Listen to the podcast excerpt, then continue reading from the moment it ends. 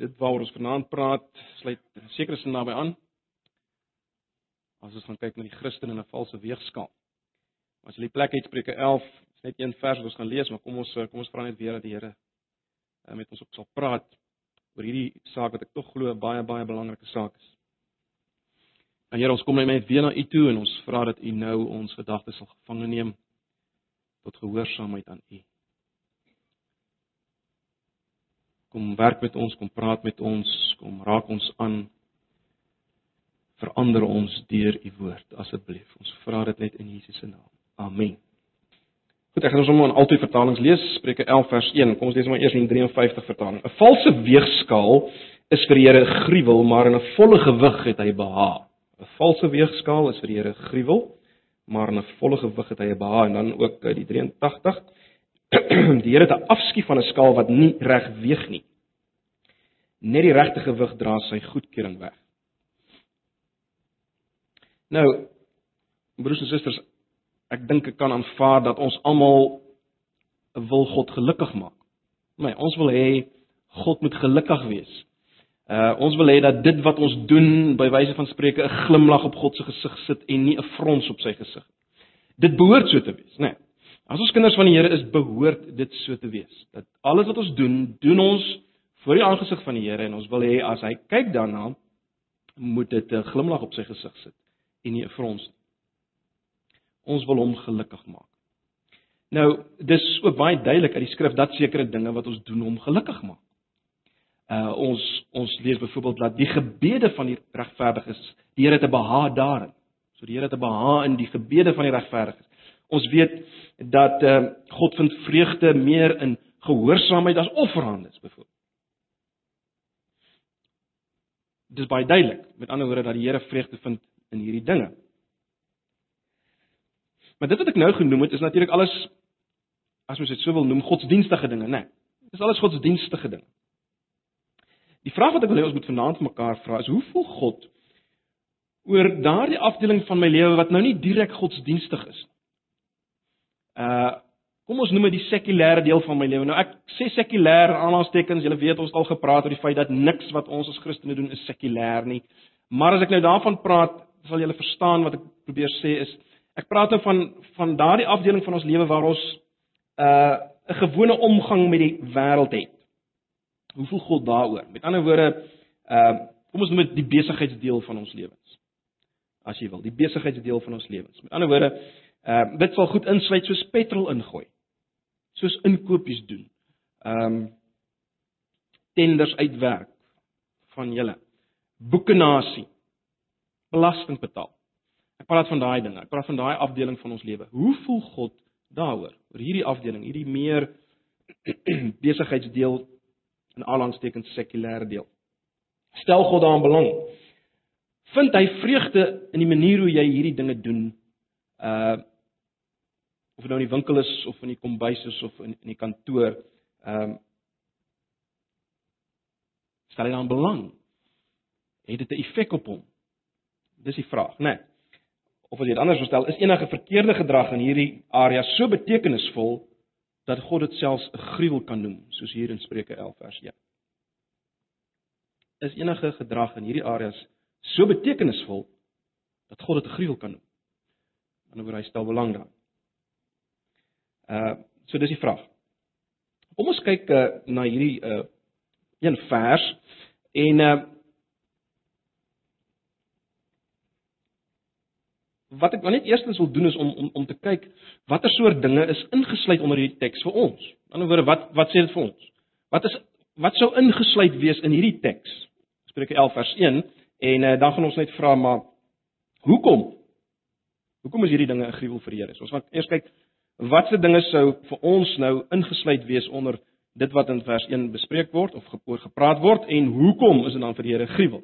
Maar voor ons dit doen, kom ons kry net eers kom ons kry net eers die die prentjie hier. Die implikasies is geweldig. Kom ons kry net eers die die prentjie hier. Wat is die agtergrond as te ware van van dit wat uh, in Spreuke 11 vers 1 staan?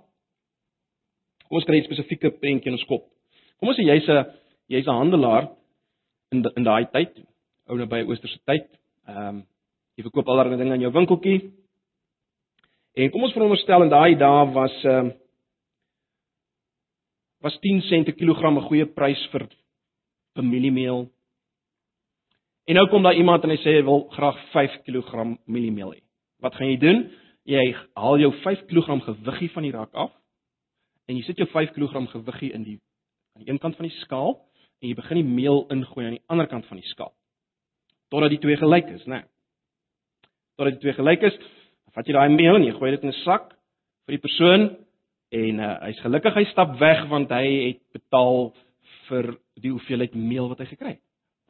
Nee, hy het 5 kg meel gekoop en hy het betaal wat hy daarvoor gekry het. Almal weet almal weet hoe swaar is 5 kg, né? Nee. Maar nou, nou. Sê nou maar net, gedurende die nag maak jy 'n gaatjie in daai gewiggie. Jy hol hom uit totdat hy net 4 kg weeg. En dan maak jy hom baie mooi toe. Maak hom mooi toe, maak hom glad sodat niemand kan sien dat eh uh, daar gepeter is aan hierdie aan hierdie gewiggie. En dan die volgende dag gebruik jy hierdie gewiggie. Let wel, jy gebruik hierdie gewiggie nie vir die intelligente ouens, die aansienlike ouens nie. Die ouens wat jy verwag, hulle kan dalk 'n vraagteken uh, of 'n vraag vra oor hoekom kry hulle nou so min meel teenoor dit wat hulle gewoonlik kry. Uh die ouens wat miskien daai gewiggie van jou gaan ondersoek. Jy jy jy haal nie die gewiggie uit as daai ouens kom. Jy jy jy los hom een kant en jy gebruik daai gewiggie as 'n kind kom meel koop vir sy ouers. Of as hy as 'n tannie wat al bietjie blinderig is. As hy kom meel koop, dan gebruik jy daai gewiggie. So broers en susters, dis min of meer die prentjie wat ons in ons in ons kop moet hê. En die Here sê dit is vir my gruwel. Dis vir my gruwel. Maar 'n volle gewig het hy behaag. Goed, so nou kom ons vra hom vir mekaar. In 2011. In 2011. Watter soort optrede in 2011 is geïmpliseer in 'n valse weegskaal? Nou, ek gaan 'n paar dinge hier uitdruk, uh, uitlig. Eerstens dink ek is baie duidelik dat dat hierdie hierdie vers verwys na kopers en verkopers. Nee, kopers en verkopers is hier in die in die versuur as ek dit so kan stel. Met ander woorde, dit sou op optrede insluit van verkoop waar die verkoper nie goedere of dienste gee vir die prys wat dit werd is nie. Right. Sluit optrede in van verkopers wat die verkoper nie vra dit wat die ding wat hy verkoop werd is nie. Nee. Maar nou word jy kan jou nou voorstel byvoorbeeld 'n petrolpomp wat 'n sent duurder wys. Of 'n uh, of 'n skaal by 'n vrugtestalletjie. Ons nou gepraat van skale. Kom ons sê die skaal daar by die vrugteafdeling van die supermark uh wat nie reg wys nie. Of ehm uh, medisyne wat ewe skielik dubbel soveel werd is as verlede week. Of uh of 'n verkoopsagent wat ehm uh, wat nie presies vir die koper sê dat daar iets fout is met die huis nie, dat die huis byvoorbeeld asteenhuis is of ehm uh, wat is hierdie gro verkeerde grond waarop die huise gebou word? Wat? Turfgrond. Of dit sou iets wees soos 'n onderwyser wat ehm uh, 10 jaar laas 'n nuwe les uitgewerk het, né? Nee. En uh Hy nou kom lag jy. En nou gebruik hy of sy die tyd wat eintlik gebruik moet word vir 'n nuwe les, gebruik hy of sy om in tuin te werk, né? Nee. so hierdie tipe dinge is ingesluit in die eerste plek. Alraai. So dis optrede van verkoop as jy dit sou wil stel wanneer die koper koper nie die goedere of dienste gee wat die prys wat hy vra werd is nie. Dan in die tweede plek sou dit dade insluit van koop van koop wanneer die koper beplan om minder te betaal as wat die goedere of dienste in werklikheid werd is. OK? Met ander woorde, ons het nou gepraat vanuit die verkoper se perspektief. Nou praat ons vanuit die koper se perspektief. Wanneer die koper uh beplan om minder te betaal as wat die goedere of dienste werklik werd is. Nou, miskien kan ons net blaai na Spreuke 20 vers 14. Daar's 'n interessante vers Daar Spreuke 20 vers 14.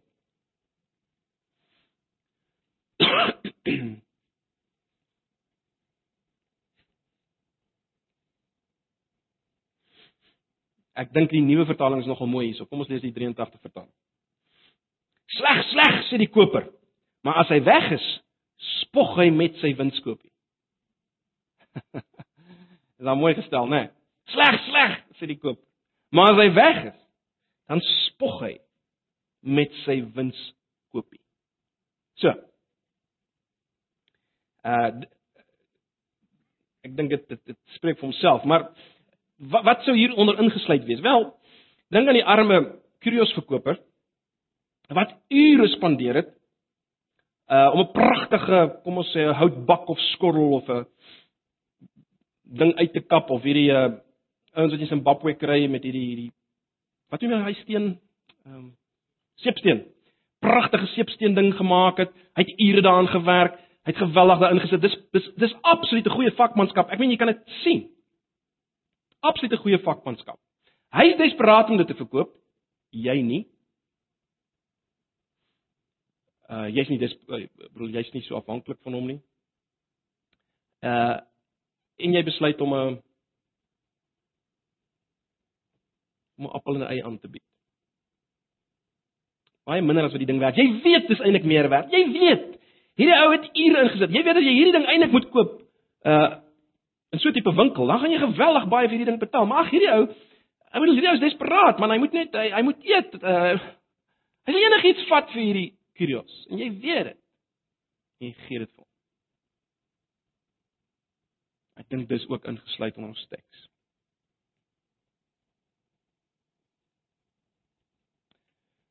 Sou self iets kom insluit soos om die uh,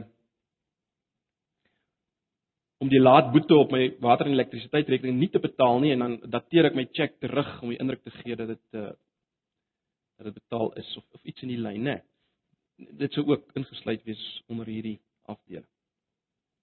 In 'n ander woorde, daarvan koop waar die koper beplan om minder te betaal as wat die goedere of dienste goedere of dienste dit werd is. Jy beplan om minder te betaal.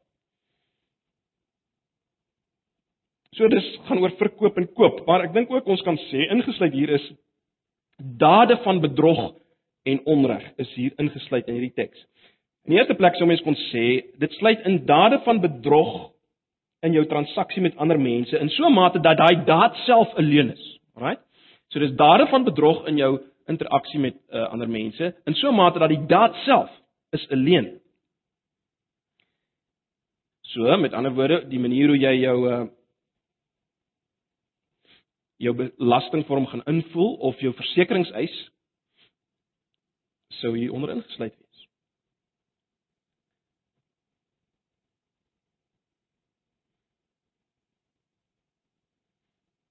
Ek voeg 'n bietjie by by die versekeringseis.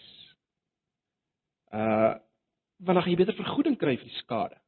Hulle sal nie regtig weet uh dat hierdie ding in hierdie voorval beskadig is nie. Jy's sit dit 'n bietjie by. Iets in die lyn. Ek dink dit sluit dit in. Ek dink dit sluit dit in.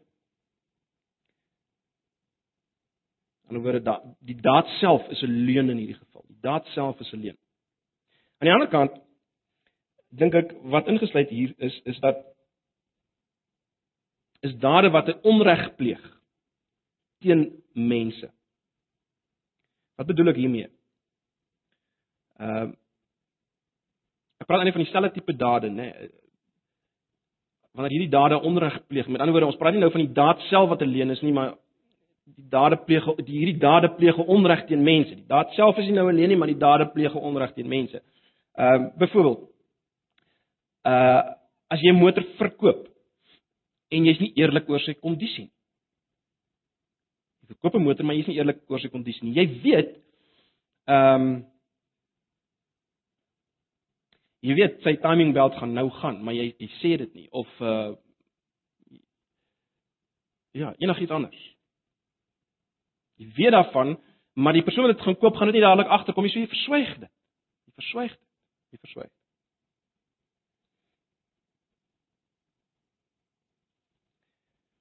Of iemand is desperaat om 'n om 'n betrek te kry, om 'n plek te kry om te by uh, te bly uh, buitekamer en um, jy vra hopeloos te hoe hier sonder om enige verbeteringe aan te bring.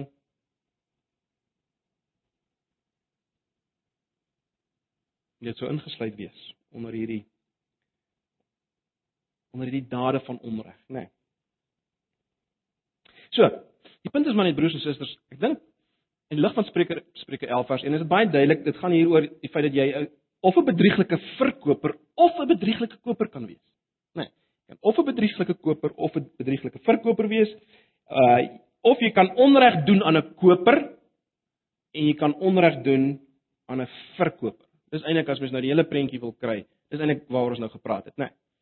Nee. Uh jy kan 'n bedrieglike verkoper of 'n bedrieglike koper wees. Uh, verkoper of koper en jy kan onreg doen aan 'n koper of 'n onreg doen aan 'n verkoper. Ek dink dis alles ingesluit onder hierdie teks. Nou Een les wat ons al klaar en op die oppervlak kan kan leer as ons nou Spreuke 11 vers 1 lees, is die feit dat God werklik belangstel in hierdie, kom ons noem dit dan nie godsdienstige aktiwiteite van ons, né? Nee. Ek dink dit is baie duidelik. Al ons besigheidstransaksies is vir God van belang. Alles is van hom van belang. Uh God is nie, kom ek stel dit so. God is nie so ver en so godsdienstig, as ek dit so kan stel in al ons tekens, dat hy nie belangstel in hierdie dinge nie. Nee. Hy stel nie net belang in jou stilte tyd en in jou kerkbywoning en in jou bydra by die selgroep uh, en jou uitreiking. Hy stel nie net belang daarin nie. Hy stel ook baie belang in al die besigheid wat jy doen. Al die transaksietjies waarmee jy besig is. En ag broers en susters, ons kon nog baie goeders uitbrei, maar miskien kan dit in die in die vrae uitkom. Onthou net, elke vierkante sentimeter van alles is God se. Ons moet dit onthou, né? Ehm um, elke minuut van ons lewe word geleef met asem wat hy vir ons gegee het. Daarom is dit belangrik elke asemteug. Hy gee dit vir ons. En uh, hy stel belang wat ons daarmee maak. Kom ek stel dit so, God is baie meer in aanhalingstekens sekulêr as wat ons dink. Hy stel belang in hierdie dinge. En natuurlik, broers en susters, dit behoort 'n geweldig verskil te maak aan um, aan hoe ons hierdie afdeling van ons lewe leef. Hierdie kom ons noem dit dan ongodsdienstige deel van ons lewe. Behoort 'n geweldige impak te hê ou teoloog Charles Bridges het op 'n stadium die volgende gesê het gesê is it not a solemn thought that the eye of God marks all our common dealings of life either as an abomination or a delight Dan wil hy sê is dit nie geweldig is nie geweldige gedagte dat God na alles van ons kyk en alles is vir hom of verwerplik of 'n vreugde alles en as ons daaraan dink Wel, dit moet 'n geweldige impak op ons hê. So kom ons toets onsself. Kom ons toets onsself. Uh, toets jouself. Word jy gevorm deur die sekulêre gees van die wêreld of word jy gevorm deur die gees van God as dit kom by hierdie dinge? Voel jy dat klein besigheidsmisvoorstellingkies is maar die spelreëls van die dag of sien jy dit as 'n gruwel voor God? En baie maklik broers en susters, beweeg ons oor, nê, nee, ons word so beïnvloed. Ons ons adem hierdie goed in. Ons adem hierdie goed in elke dag en en ons moet onsself hier toets. Ag. Wit lintjies, ehm um, iets wat ons baie mense noem ons af Christene, maar beweeg baie vinnig in daai lyn in. Nie so erg nie, is maar net 'n wit lintjie. Dit daai tipe goed. Ehm um, so toets jouself, toets jouself vanaand eerlik in die lig hiervan. Goed, en nou kom ons by die tweede vraag. Ons nou gekyk watter dade is min of meer ingesluit hier onder. Nou vra ons vir mekaar die vraag: "Maar hoekom? Hoekom is dit nou regtig so 'n gruwel vir God? Of hoekom aan die ander kant het hy beha as die as jy regverdig optree? En hoekom is dit gruwel as jy 'n valse weegskaal het?"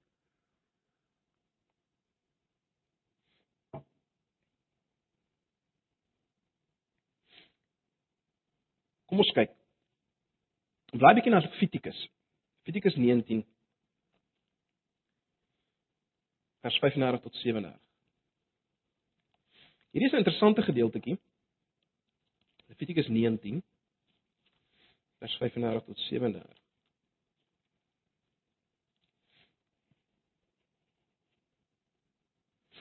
Levitikus 19 van vers 35. Julle mag nie bedrog, kom ek lees maar die 83. Julle mag nie bedrog pleeg wanneer julle meet of weeg of inhoud bepaal nie. Met ander woorde, julle kan soms dadelik sien as dieselfde goed is is dieselfde goed wat op die tafel is as wat ons nou in Spreuke 11 gelees het, né? Nee. Julle mag nie bedrog pleeg wanneer julle meet of weeg of inhoud bepaal nie. Julle moet 'n betroubare skaal en die regte gewigte en inhoudsmate gebruik. sien julle is dieselfde goeters. Jy moet die betroubare skaal, die regte gewigte en inhoudsmate gebruik.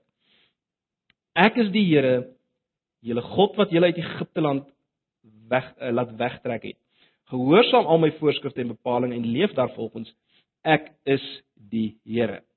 Kom ons kyk net vinnig na hierdie hierdie paar verse.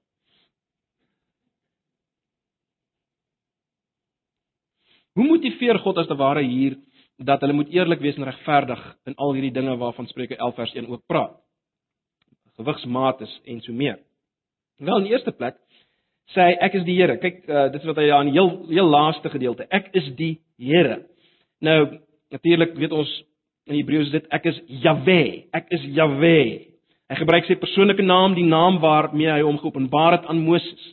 Die naam ek is wat ek is. Dis 'n geweldige naam broers en susters. Uh die naam impliseer absoluutheid, onafhanklikheid, vrye soewereiniteit. Ek is wat ek is. Ek is van niemand afhanklik nie. Ek is wat ek is. En ek sal wees wat ek sal wees. Jy sou dit so ook kon vertaal in Hebreëus. Geweldige naam, dis die verbondsnaam. Uh en dit sê wie God is. En hy maak hom uh, dis dis hoe hy homself hier noem. Ek is die Here. Ek is Jahwe. Goed. Die tweede ding wat hy sê is ek is jou God of julle God. Ek is die Here, ek is Jahwe, julle God. sien julle dit in vers 35? Ekskuus, vers 36. Vers 36 se tweede deel. Ek is die Here, julle God. Ek is julle God, ek is jou God. In ander woorde, ek is aan jou kant. Ek is vir jou. My absolute vrye soewereiniteit, my absolutiteit uh dis vir julle. dis vir julle. Ek is vir julle. En dit wat dis wat dit beteken om te sê Jahwe is my God. Die Here is my God. Ek is vir julle, ek is nie teen julle nie. Die derde ding wat hy sê is ek het julle uit Egipte land gelei. sien julle dit? En dis is baie spesifieke illustrasie van die feit dat God vir hulle is. Dis nie maar net hy los nie net in die lig nie, ek is vir julle, maar daar's geen bewys daarvoor nie. Nee, daar is 'n bewys daarvoor. Ek het julle uit Egipte land uitgelei. Baie baie doelbewus, baie spesifiek. 'n ander woord, God is absoluut vry Hy's absoluut soewerein, maar hy's nie absoluut vry en absoluut soewerein om hulle te vernietig nie, maar om sy mense te red. Nou, ons wat na die Nuwe Testamentiese tyd leef, natuurlik vir ons uh of laat ek so sê, ons het 'n het het het 'n ander vaste punt van van spesifieke bewys dat God vir ons is, né? Nee, ons het ons het Christus, die die kruis en die opstanding wat baie meer is as as wat dit dit is wat hulle kon gesê het. Hulle het die Exodus gehad. Ons het die ons het die verlossing. Groot verlossingsdaad van Christus. Die punt bly dieselfde. Ek het julle uit Egipte land gelei. So dis 'n baie spesifieke illustrasie.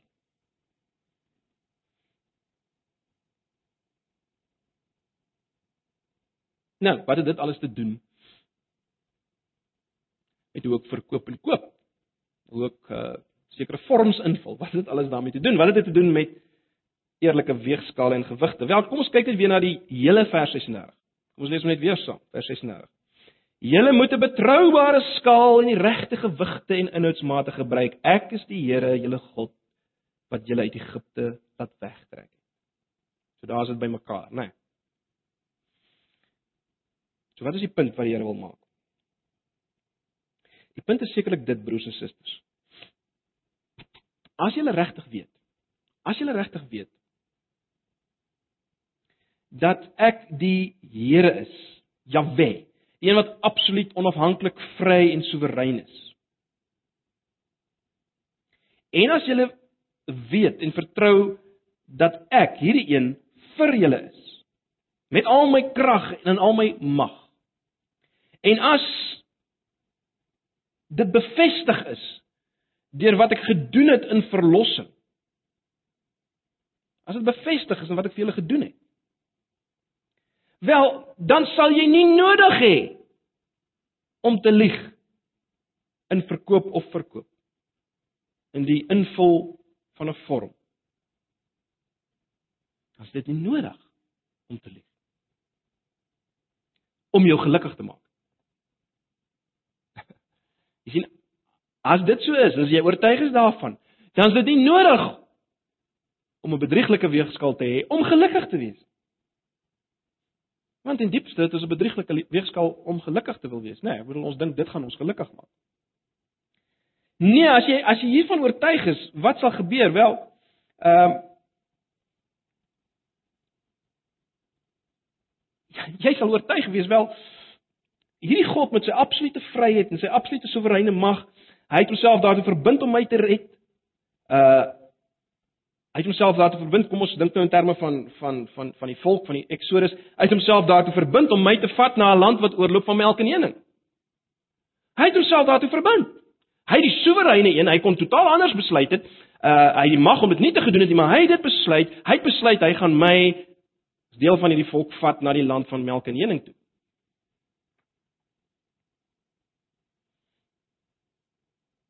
En daarom hoekom sal ek bedrog pleeg om myself gelukkig te maak as dit is wat hy beloof het. Né? Nee. Ek het nie nodig om dit te doen. Ek het nie nodig om dit te doen. Begin julle sien waarom ek sê dat God vreugde vind of waar, waarom die teksgedeelte sê God vind vreugde in 'n regverdige uh weegskaal of die of eerlike optrede van gelowiges. Hoekom vind God vreugde daarin? Hoekom vind God vreugde daarin? Wel eenvoudig. Broers en susters, eenvoudig omrede dit hulle geloof sigbaar maak. Hierdie optrede, eerlike regverdige optrede van 'n gelowige, maak sy geloof duidelik en daarom het God te beha in hierdie eerlike optrede, want dit maak die geloof duidelik van hierdie persoon. Daarom het God te beha daar en daarom is hy gelukkig daaroor. Uh met ander woorde, dit maak die reddende heerskap en die krag van God sigbaar. As jy eerlik is, in jou optrede, dan maak dit die krag en die heerlikheid van God sigbaar. Die heerskap van God sigbaar. In ander woorde, wanneer 'n Christen met integriteit optree in plaas daarvan uh om te probeer om voor te kom in die lewe met bedrog want kyk ons ons baie van ons is so bang ek gaan nie voorkom nie uh, ek gaan dit nie maak nie wat gaan gebeur en daarom allerlei bedrieglike dingetjies wat ons doen want ons wil net voorkom as 'n Christen met integriteit optree in plaas van om so te lewe om net te wil voorkom. Wat doen hy? Wel hy demonstreer. Hy demonstreer wie God is, wie God vir hom is. Hy demonstreer die krag van God, né? Nee, en die liefde van God. Soos bewys in die wel in hulle geval in die Ou Testament in die Eksodus vir ons soos bewys veral dan in die verlossing op Golgotha. En dan oor wat sê jy? As jy as jy met integriteit optree, as jy nie be, uh, met bedrog optree nie, wat wat sê jy eintlik vir die wêreld? Wat sê jy vir die mense rondom jou? Jy sê ek het 'n groot God wat na my kyk en vir my sorg. Ek het 'n God wat na my kyk en vir my sorg. Ek het 'n Heer en Meester wat beloof het om om om uh, in my behoeftes te voorsien. Ek het al die rykdom wat daar is in Christus Jesus. In terme van die Ou Testament, ek het 'n vuurkolom in die nag, ek het 'n wolkkolom bedags om my uh weg aan te dui. Nuwe Testamentiese uh, perspektief, ek het die fontein van die lewe. Né? Nee, want ons nou kyk in Johannes. Ek het die fontein van lewende water wat nooit sal opdroog. So hoe kan ek lieg? Of bedrieg? Hoe kan ek lieg of bedrieg asof ek iemand is wat uh wat myself moet vertrou om 'n beter lewe daar te stel. sien jy, dis die punt. Ek het hierdie God wat dit vir my is, wat dit vir my beloof. Hoe kan ek dan nou, terwyl ek dit sê, terwyl ek dit bely, hoe kan ek dan nou my optrede wys? Nee. Ek glo ek is self afhanklik van my eie uh geluk en welvaart ensovoorts. My eie vindingrykheid moet dit vir my bring. My eie vindingrykheid van van bedrog pleeg natuurlik dan.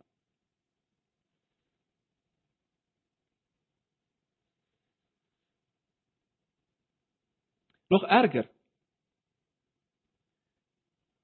Ek sê daarmee dat my eie vindingryk kan vir my 'n beter lewe gee as wat God vir my kan gee.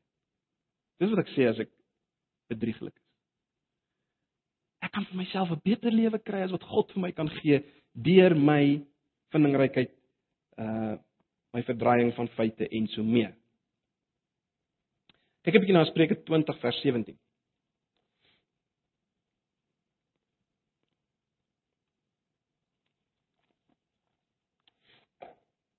Spreuke 20 vers 17.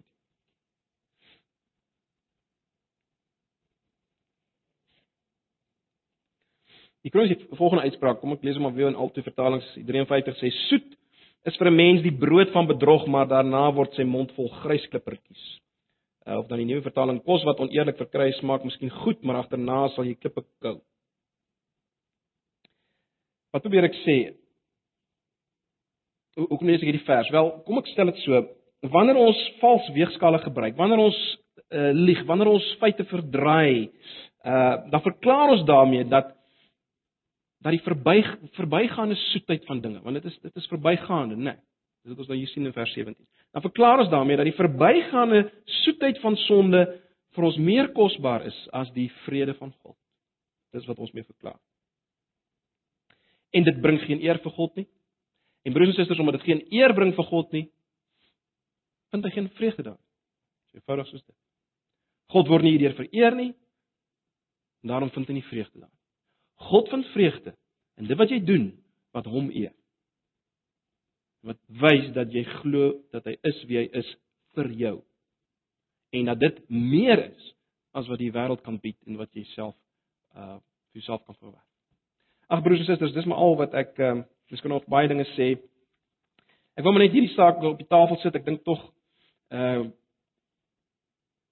dit spreek dat ons elkeen, ek dink elkeen van julle as ons baie eerlik moet wees en jy kyk na jouself, dan is daar dinge waarvan jy bewus is nou, daar's tye, ek self is bewus daarvan, tye wat ons bedrog gepleeg het. So kom ons raak so 'n paar oomblikke stil, bring dit voor die Here, kom ons bely dit, kom ons erken dit en dan gee ons daarna 'n paar paar minute tyd vir vrae, as daar enige vrae is of opmerkings. Kom ons raak net vir 'n oomblik nou stil voor ons besig raak met vrae. Kom ons bring dit net na die Here toe.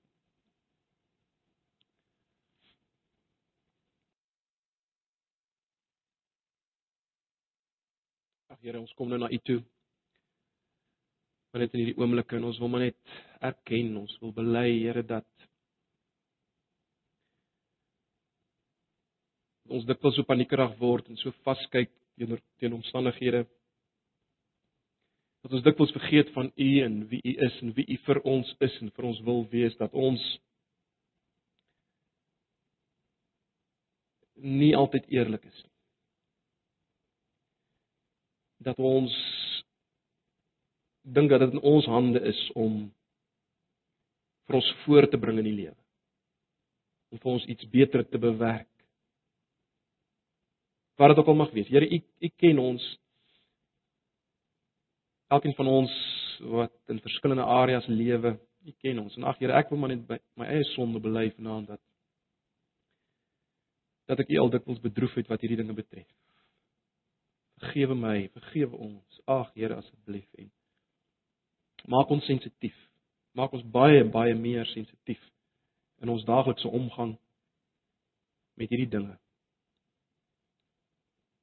Asseblief Here sodat U 'n behaag kan vind in alles wat ons doen. Asseblief. Ons vra dit in Jesus se naam. Amen. Goed, broers en susters, um, is daar enige vrae of opmerkings hieroor? Sekerlik nie regtig 'n area waar ek vrae kan beantwoord nie. Ek weet nie of iemand iets wil byvoeg dalk. Um, enige opmerking of as daar niks is nie, dan kan ons gaan. Maar as daar enige opmerking of aanmerking is, dan is hulle nou welkom. Pikkie. Pikkie, ek wil net weet uh, ek weet nie of ons het ons nou hierdie stelsel ek Ja, maar kry net vir jou mikrofoon laat Ja. Dis reg. En tog doen ons sulke tipe goed. Ons sal wrigtig daai ouetjie afstrei na gees om daai tyd. Ja. Ja. Nee, dit is so, is geweldig as jy daaraan dink.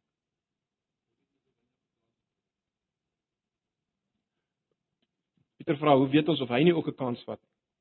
Nee, dis wat ek sê. Ehm um, eie aard van die saak, mense kan daar gaan tye kom wat jy in 'n debat gaan met so ou en jy sien hy wil gemors aan jou afsmeer vir 'n prys, dan gaan jy sê nee man, jy jy heeltemal te veel vra, hierdie ding is nie so nie. Verseker, daar's seker tye. Maar ek praat dan van en, en en ek weet in my eie lewe was eh, was ek al in so 'n geval in Zimbabwe en ek bely dit. Waar ek gesien het hierdie is 'n goeie ding. Maar ek het nie regtig die geld vir gehad nie. Dan by ou en dan gee jy vir hom ag, jy gee vir hom 'n waterbottel en en is nie eerlik nie. En ek bely dit, ek het dit gedoen. Uh en na dit het besef jy het hom nie werklik gegee wat hy toe kom nie. Daai was dit, dis 'n perfek, dis 'n goeie stuk werk, jy kan dit sien. Daai was goeie vakmanskap en jy het hom minder gegee as wat jy eintlik ook geweet het dit werk. Maar natuurlik, daar is gevalle wanneer hulle ou gemors ding aan jou afsmeer vir heeltemal 'n belaglike prys, dan kan ons natuurlik, dan kan ons debatteer oor die prys en ek sê nee man, ek gaan vir jou dit gee. As jy gelukkig is dat laat jy regtig dink daai ding is dit nie werd nie. Verseker Pieter. Maar ek praat van daai tye wat jy eintlik weet, hierdie ou, dis 'n goeie ding hierdie. Maar hy's hy's nie knyp so jy gaan probeer wegkom. Ek weet nie is daar nog nog iets van die ander lied. Ja, dis 'n pragtige dis 'n pragtige beeld. Is dit nie presies hoe mense dit beleef nie? Jy raak in 'n tronk. Sien jy? Ja, ekskuus nou vir die terwyl van die opname. Tannie Annelie sê dat uh, mens plaas jouself later in 'n tronk. 'n Tronk van altyd skuldig voel, 'n skuldige gewete. As jy nie aand gelê en rol jy rond en dan dink jy oor hierdie goed en dit gebeur weer en weer. Jy moet jy moet uh, ja, jy, jy maak nou 'n klein keusetjie nou en dit plaas jou in hierdie amper 'n tipe van 'n binding van van altyd is skuldgevoel, jy's nie eerlik nie. So ek dink dit is 'n pragtige beeld, hierdie tronkbeeld wat jy in jouself aanplaas. Amen. Vaardiging kom. ja. En dan betaal jy eers die dagvaardiging daar. Ja. Ja, en en sê maar net dat uh, in sy geval spoed spoedkaartjies jy, jy jy stel uit en stel uit tot eers tot die dagvaardiging nou is. Miskien Maar ten minste betaal jy dit daarom nee. Ja, maar ek wil nie myself miskien moet nog terug gaan. Jy moes nie eers die eerste plek te vinnig gery het. Ja. Ja, ek um, wil net ook 'n kort getuienis lewer nou Lien uh het so ruk terug gery met die kar, maar dat ek eers voor dit begin ons reg nou al lank met die uh bande wat klaar raak. En jy vat maar 'n kans en jy wil hom nou ry tot hy nou mooi plat is. En uh toe gebeur dit, toe bel sy my nog en sy sê nee, sy's nou net op pad skool, dis haar eerste dag van skool. En uh, sy het 'n ongeluk gemaak. 'n Groot trokband, 'n retread, ek weet nie wat die Afrikaanse woord daarvoor nie, het aan die in die pad gelê en sy's boor die ding. En ehm um, sy sê sy nogal, sy hoor net hierdie kraakgeluide en uh, sy's vol hoop toe sy nou uit die kar uit klim dat alles nog alraai is. Vals hoop. En uh, dit was toe nou nie die geval nie. En uh, ja, en toe ek nou oor die oor dit kom dat sy sy okay is, ons is nou ek ek neem toe die kar in en uh besluit toe nie hulle moet hom nou natuurlik nou regmaak, maar ons besef daar's baie skade op die kar. En toe die ehm um, wat noem mens dit die die assessor, dankie. Die assessor uh eers die die die maatskappy wat die paneelkloppers kom haal toe die voertuig. En uh ek besef maar as hierdie kar onpadwaardig gaan wees, gaan daai assessor dit optel en hulle gaan nie my premie of my ehm uh, my eis uitbetaal nie. En ek vroeg toe met die ding, ek moet eerlik sê ek was regtig in die versoeking hmm. om vir die uh die paneelkloppers te sê, hoorie maar haal net die bande van die kar af voordat die voordat die assessor kom kyk na die kar en ek kan nie glo sulke gedagtes kom op by 'n mens nie. Maar uh, ja, so uh, so dagga wat voordat ek die kar toe nou moes invat, gelukkig toe kom ek tot my sin en ek besef hoorie maar dit is regtig 'n oneerlike ding om te doen. En uh, maak nou nie saak wat die prys gaan wees om te betaal hiervoor nie. Ehm um, mens moet deurgaan daarmee. En die Here het my rustig gemaak. Ehm um, en ek's baie dankbaar daarvoor. Soos so staan nie ook getuig van die tronk gevoel daai ek het verlos gevoel van bekommernis. En uh die uh assessor kom ag geluk vat toe die kar in die assessor vat hoe lank omtrent 'n week of wat om terug te kom na my toe om vir my te sê hoorie dis nou goedgekeur of wat en ek bel elke dag om te hoor is dit goedgekeur. Want ehm um, ek wil nou hoor man dat ons kan voortgaan. En uh sê hulle is goedgekeur. Sê ek nou wat's alles goedgekeur? Nee, okay, hierdie skade en daai skade omtrent 25000 rand se skade later. O en die een band het 'n het 'n bubbel op en hulle gaan die band vervang vir my sê hulle vir my. so soos ek nou baie vir weet ek nou nie maar die Here het ook hier gewerk en uh, ek weet dit werk nie altyd so uit nie maar in my geval ja. het dit so uitgewerk so ek ja, net alle eer en eer gee. Ja, so dankie. Ek weet nie is daar nog nog enige iets anders kan ons kan ons afsluit. Goed, dit lyk my nie daar's nog ietsie kom ons gaan gaan drink tee. Baie dankie dat julle gekom het en uh, mag die Here julle help en vir my help om uh, ook wat hierdie saak betref